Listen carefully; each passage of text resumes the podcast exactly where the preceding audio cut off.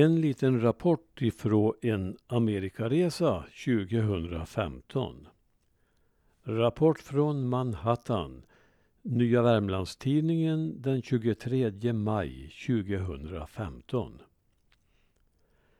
När jag skriver denna krönika sitter jag händelsevis i en liten lägenhet på södra Manhattan.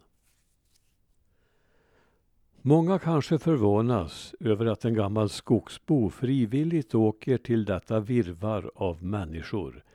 Men jag besöker gärna storstäder, bara inte alltför länge. Läget är det bästa. Vänd åt höger ser jag genom fönstret Empire State Building, åtminstone spiran, och Chrysler Building för att nämna några. Åt andra hållet bildas en fond av södra Manhattans imponerande skyline med den 541 meter höga One World Trade Center, huvudet högre än grannarna. Utsikten åt det hållet omfattar också de gigantiska broarna Manhattan Bridge och Brooklyn Bridge med ändlösa, nästan stillastående bilköer i morgon och kvällsrusningstid. Är det förresten rimligt att kalla det för rusningstid när rusning är det minsta som händer? Detta tillstånd upplever vi som bor längs väg 62 i norra Värmland bara två gånger om året. När bilkön är på väg till rallycrossen i Höljes och när den vänder åter mot söder. Men det är inte Manhattanborna själva som skapar trafikproblemen. Själva åker de tunnelbana eller fotvandrar till jobbet och låter de kringboende pendlarna sköta biltrafiken. På Manhattan kör bara en av tio bil till jobbet och endast var fjärde äger själv en bil. Kollektivtrafiken är välutbyggd och avstånden korta. Många åker cykel och detta i en fart som gör dem till potentiella självmordsbombare. Förra året avled fem personer efter att ha blivit påkörda av cyklister och själv var jag centimetrar ifrån att bättra på årets statistik.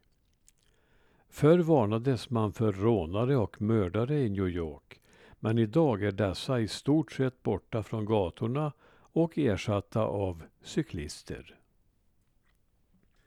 Nå, tänker ni som följt mina krönikor, vad har nu detta med norra Värmland att göra? Inte så mycket faktiskt. Men visst finns likheter. På Manhattan går avenyerna i norr-söder medan gatorna korsar i väst-öst och bildar ett rutmönster.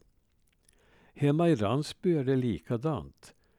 Gammelvägen och Nyvägen går i nord-sydlig riktning och korsas av de gamla fägatorna från älven till berget. I övrigt inga jämförelser mellan Gammelvägen och Tredje Avenyn eller Hockesgata och 23 gatan. Att trängseln här är mycket påtagligare än där hemma behöver jag inte påpeka. Vi ställde in ett planerat besök på Metropolitan Museum då folkmassan redan i foajén kändes knäckande. De flesta var säkert turister, men på Manhattan bor 27 000 personer per kvadratkilometer. Sätt detta i relation till Norra Finnskogas folktäthet på 0,5 invånare per kvadratkilometer. Här kan jag påpeka att jag trots många vistelser i Norra Finnskoga ännu aldrig träffat på någon halvperson. Totalt bor 1,6 miljoner invånare på denna relativt lilla ö som holländarna 1626 köpte av indianerna för en struntsumma. Här är ett av världens mest tätbebyggda områden och hit vill alla flytta. Här köper och säljer innefolket lägenheter för tiotals miljoner. Andra bor på gatan. Har vi sett några kändisar på gator och i parker? Svar. Vet inte. Jag vet inte hur dagens kändisar ser ut. De hör troligen hemma i hiphopkretsar och såpoperor och har inte nått in i min begränsade värld.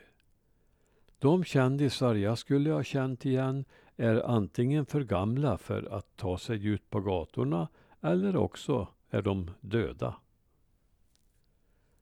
Torsten Ehrenmark som arbetade som korrespondent i New York på 1960-talet skrev i ett kåseri att folk här var ovänliga. Om detta var fallet har tiderna förändrats.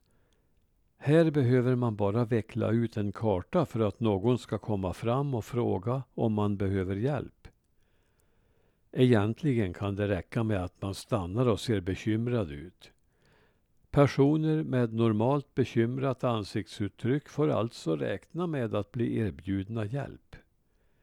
Jag tackade en kvinna för vägbeskrivning och uttryckte min uppskattning av Manhattanbornas hjälpsamhet. Och hon berättade att för en generation sedan var ryktet det motsatta.